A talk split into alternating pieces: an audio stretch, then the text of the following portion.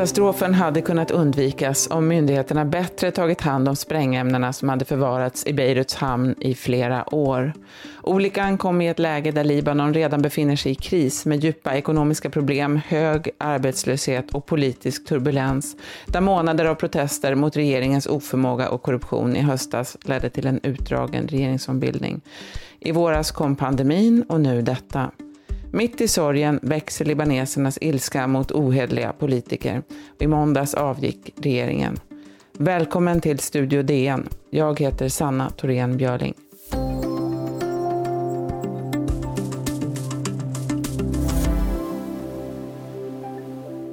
Hur kan 2750 ton ammoniumnitrat explodera i en lagerlokal i en hamn?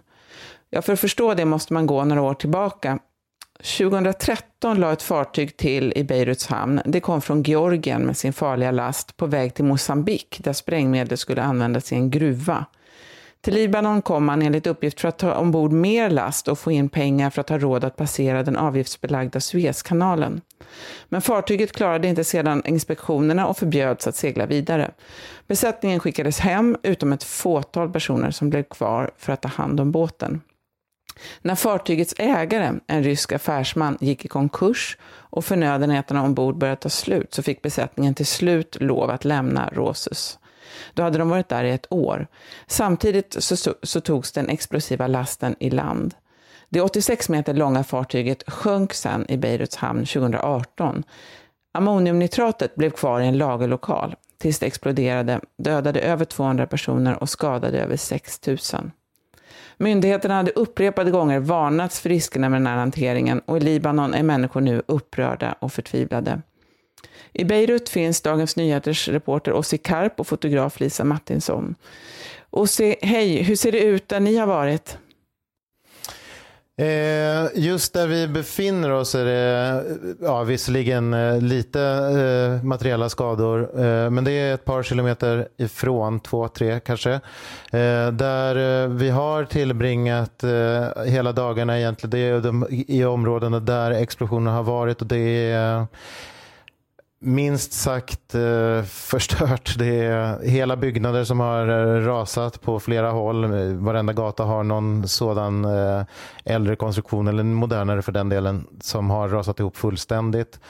Eh, och jag tror inte det är, det är vissa lägenheter som har klarat sig bättre, vissa fastigheter har klarat sig bättre, men det är, det är vad som eh, skulle med mediespråk beskrivas som att det ser ut som en krigszon. Det är ändå förhållandevis, med tanke på att det bara har gått eh, omkring en vecka så har, har de lyckats röja bort så att det, det går att ta sig fram där med, med bil och, och promenera går det definitivt. Men eh, eh ja, det, det, är enorma materiella skador. Enorma, alltså fullständigt eh, otänkbart med tanke på hur det såg ut senast, senare, eh, tidigare. Och det, det är ju eh, ska sägas då, de här områdena är ju det som kanske då kan beskrivas som bohemiska kvarter, hipsterkvarter eller eh, där ungdomar och intellektuella rör sig och sent på natten, dygnet runt. Det är barliv och restauranger och, och annat. Det ser inte mm. ut som något i den stilen nu. Är människor medvetna om bakgrunden till vad som har hänt och eh, har de vetat om hur det har varit i den här hamnen? Nej, det Absolut inte.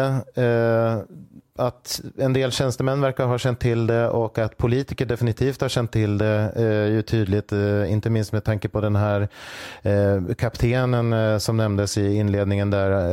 Eh, han har ju vittnat om hur han vände sig till myndigheter vid åtminstone sex tillfällen och på, påtalat riskerna med att ha den här typen av explosiva varor i, i så nära bebyggelsen och att under dessa år, sex år, har det alltså legat eh, ämnen som orsakar den här typen av förödelse. Det skulle ju inte, det skulle inte en enda människa tolerera och acceptera att bo så pass nära en, en eh, sprängladdning som motsvarar 3,3 eh, magnitud om det hade varit ett jordskalv.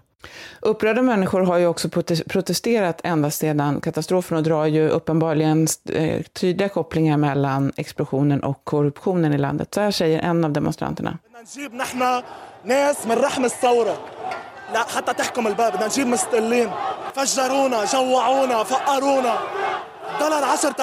Den här mannen av, uppmanar alla att avgå och eh, vill ha oberoende personer som styr landet.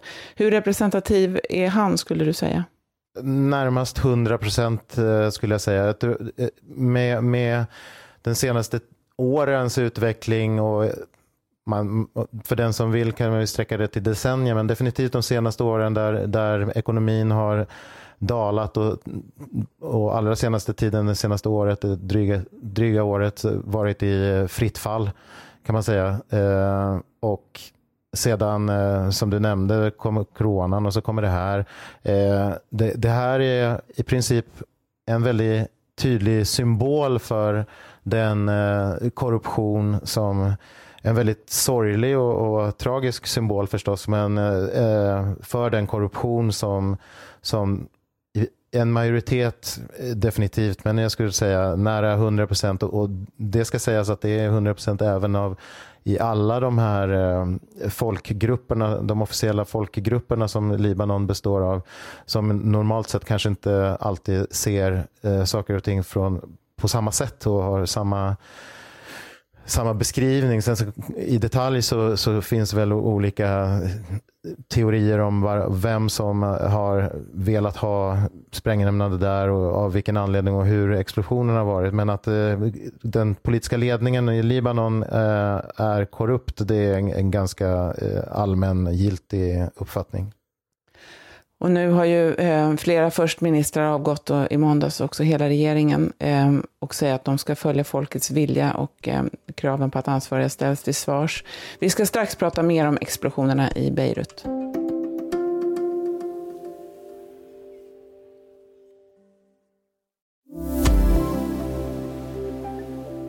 Ja, vi talar om händelseutvecklingen i Libanon med Ossi Karp som är på plats där. Över 300 000 människor har blivit hemlösa. Eh, vart har de tagit vägen? De flesta eh, har fått husrum hos eh, släkt och vänner. Antingen utanför Beirut eller andra delar, södra och norra Libanon. Och en del har fått ta in, där hjälporganisationer har antingen i hus eller i tältområden. Eh, också det en bit utanför stan. Eh, men ett fåtal kan man säga bor kvar även, även i, i de värst drabbade områden där vi besökt och eh, rapporterade om, om, ett antal äldre människor framförallt då, som, som eh, kanske inte har så lätt att eh, röra sig och eh, behöver den hjälp eh, som eh, det betyder att få vatten, eh, mat eh, och hjälp med att tvätta sig kanske och, och andra, andra grund, alltså vardagliga saker som de kanske inte kan få om de åker till sitt eh, hus i bergen eller vad de nu har för andra möjligheter. Eh, här inne i stan så finns det nämligen den typen av eh, ja, solidariska aktiviteter och där, där människor faktiskt eh, hjälper varandra. Sjukhusen här blev ju snabbt överfulla. De var ju redan hårt belastade av covid-patienter. Eh, och viljan att hjälpa till är ju stor. Och en snabbt sammankallad internationell givarkonferens har fått loss 2,5 miljarder kronor. Men skadorna är ju betydligt större än så.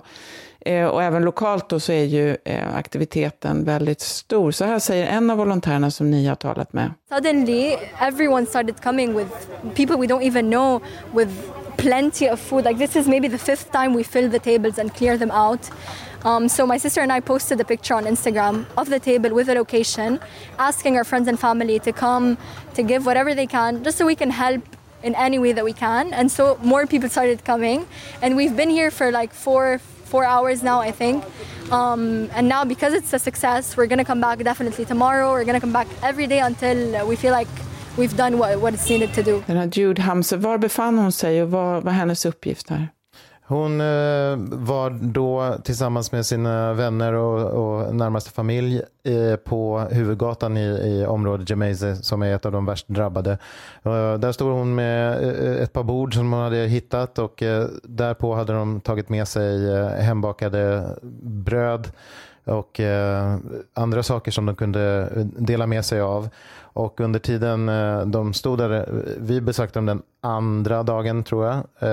Och då hade, hade de tömt det där bordet fem gånger bara på tre timmar när vi träffade dem. Och tömt det betyder att de är helt fulla. Folk kommer, alltså andra främlingar som de inte ens känner till kommer med och bidrar med kläder, vatten, redskap eh, mat, eh, allt som, som kan tänkas behövas. Antingen för de redan fattiga eller de som har nu blivit hemlösa. Men också för de hjälparbetare som är där och eh, sanerar eh, och, och ser till att eh, de som trots allt har valt att bo kvar ska få mat i magen och, och, och det här som jag nämnde tidigare, alltså att tvätta sig och, och eh, sköta vardagliga sysslor. Det, Men den offentliga ja. hjälpen är, väldigt, den är i princip obefintlig här. Det är bara eh, privatpersoner och organisationer. Ja, det är det. Det, det har inte under den här, alltså sedan eh, explosionen och, eh, inte sett en enda, inte en enda eh, offentligfinansierad röjningsarbetare, inga städare, inga, inga sopbilar eller inga eh, stora lastbilar som samlar in eh, cement och aluminium och glassplitter och sånt där. Ingen, utan det är allt är privata initiativ. Och det är en eh, historisk, kan man säga, eh, ja, det är ju lite blandade känslor för det, det är ju tragiskt att inte ha den typen av välfärd där man, det, det, det, är en instinkt. Alla pratar med och ställer den frågan. Hur kommer det sig att det inte är så? Och då säger de, ja, men direkt när vi hörde att det var den här explosionen då, då börjar man tänka direkt så här, ja, vad kan jag göra för att hjälpa till? Och då kan det handla om att ställa upp bord då, som den här Jude Hamsey. Eller det kan handla om att man har en lastbil och då ser man till att använda det. Och det här går tillbaka inbördeskriget, CD-revolutionen, eh, bombningarna i Beirut 2006 eh, och nu då den solidariteten är ju väldigt värmande och en fin sida av mänskligheten. Men samtidigt så kan man ju sörja för, sörja eh, för befolkningen här att de inte kan, eh, att de inte helt enkelt har, har offentlighetens stöd eh, i sitt arbete att återuppbygga eh, staden som är förstörd, som de upplever i alla fall av, eh, av korruption och eh, nonchalans. Man kan ju verkligen förstå att folk är, är upprörda. Ehm, och samtidigt som du beskriver det, men samtidigt som man hjälper varandra så vill man också åstadkomma någon slags ordentlig politisk förändring. Och, ehm, och det har utlovats en transparent utråd, utredning och det har gripits några personer. Men vad tror du, vad kommer att hända framöver? Nu har regeringen avgått. Går det att få bukt med de här problemen? De flesta, alltså även de som uttrycker hopp om detta och är liksom glada för att eh, det sker någon form av politisk eh, rörelse, så är ju de allra flesta tillräckligt luttrade för att ha varit med fler gånger, om än inte i den här skalan, så fler gånger där, där eh, ledningen sätts i gungning och sen så så stillar det sig och sen någon avgår, som i det här fallet hela regeringen avgår, men i historiskt sett så är det samma eh, grupperingar kan man säga som arvtagare eller marionetter som, som fortsätter att eh, styra landet. Och det är så man ser det att, att inte, inte förrän det här blir verklighet så, så så tror man på det här. Och det gäller även de internationella insatserna. Då det här Macron, eh, initiativet från den franske presidenten Emmanuel Macron att eh, ha en internationell givarkonferens. Att det ska inte tillfalla regeringen. Och det säger man också då att eh, jag tror det först när jag ser det. Eh, och för man har varit med tidigare där de där pengarna till 95 procent eh, hamnar någon annanstans än hos eh, de som eh, är, de är avsedda för. Tack så hemskt mycket, Ossi Karp i Beirut. För ljudillustrationerna stod TT och Lisa Mattisson. Studio DN görs av producent Sabina Marmelakai, exekutiv producent Augustin Erba, ljudtekniker Patrik Miesenberger, teknik Jonas Lindskog och Power Media. Jag heter Sanna Thorén Björling.